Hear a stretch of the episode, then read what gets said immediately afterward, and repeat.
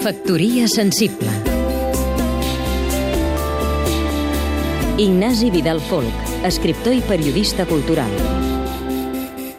Als apunts de Canetti trobo aquesta cita de Vauvenarge, un moralista francès. C'est un grand signe de médiocrité de louer modérément. És un gran signe de mediocritat lluar moderadament.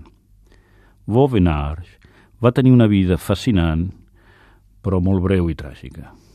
Em molesta el fet que el castell de la seva arruïnada família, el castell de Vauvenarge, d'on va sortir buscant la vida, la guerra, la glòria i la mort, segles després se'l va comprar Picasso i allà està enterrat amb la seva esposa Jacqueline. Una profanació. Ho miris com ho miris. He estat pensant en aquest assumpte dels elogis en relació amb nosaltres.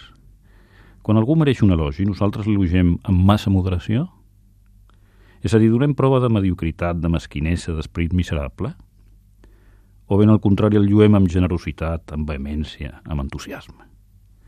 cal tenir en compte que una cosa és elogiar, lloar, i una altra molt diferent, adular el superior, el poderós, fer-li la pilota, que és una cosa indigna.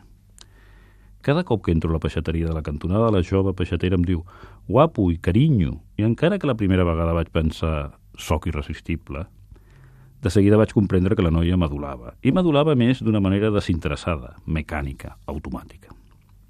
Al revés, quan algú em comenta que un dels meus llibres li ha agradat bastant, el considero ipso facto un ésser mediocre.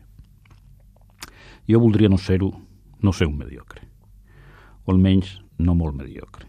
Voldria accedir a la grandesa d'esprit i em proposo aconseguir-ho lluant sense mesura, a tothom, incessantment, fervorosament, desmesuradament.